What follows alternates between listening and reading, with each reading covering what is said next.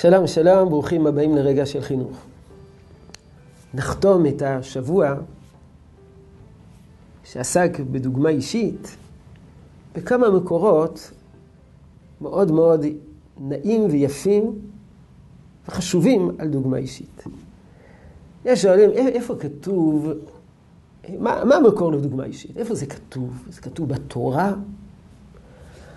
אז יש אומרים שזה כתוב... אה, כתוב בתורה, בפסוקים שאנחנו אומרים כל יום, בפרשת שמע ישראל. איפה זה כתוב בפרשת שמע ישראל?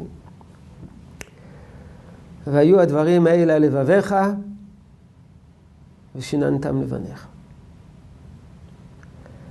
אם הדברים האלה הם על לבביך, אז תוכל לשנן אותם לבניך. כך פירש האלשך. רק לאחר שהדברים יהיו בתוכך, רק לאחר מכן תוכל להנחיל אותם לבניך. ושהוסיפו גם מסיום הכתוב, ולמדתם אותם את בניכם לדבר בם, בשבתך בביתך ולכתך בדרך שורבך ובקומך. ולמדתם פותח בלשון רבים. בשבתך בביתך ולכתך בדר ושורבך ובקומך, בלשון יחיד. איך הפסוק עובר מרבים ליחיד. אז יש אמרו, אתה מחנך, אתה פונה לרבים, אתה פונה החוצה ולמדתם, אבל זה בתנאי שבראש ובראשונה אתה חינכת את עצמך. היכן חינכת את עצמך? בכל המצבים בחיים, בשבתך בביתך ולכתך בדרך. רק אם אתה תהיה מחובר לתורה בשבתך בביתך ולכתך בדרך, אז תוכל לקיים ולימדתם אותם את בניכם לדבר בה. אז יש אומרים שהמקור לדוגמה אישית הוא בתורה. אני רוצה לסיים את השבוע בדברים נוספים של הרש"ר הירש, שבו הוא מגדיר שמהות החינוך זו דוגמה אישית.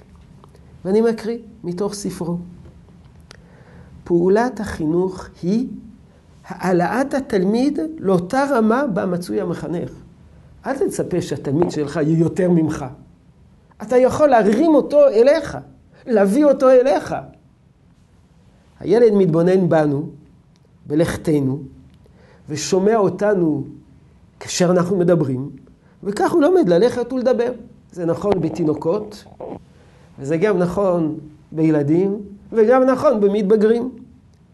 בדרך זו עליהם ללמוד גם להיות מנומסים, ישרי לב, ותרנים, דוברי אמת, צנועים, הגונים, מסתפקים במה שיש להם, אוהבים את הזולת, ומקיימים בחפץ לב ובשמחה גם מצוות הכרוכות בקשיים ובמאמצים, מתוך הבנת העושר והערך המוסרי שבדבר, כל זה הם לומדים מאיתנו.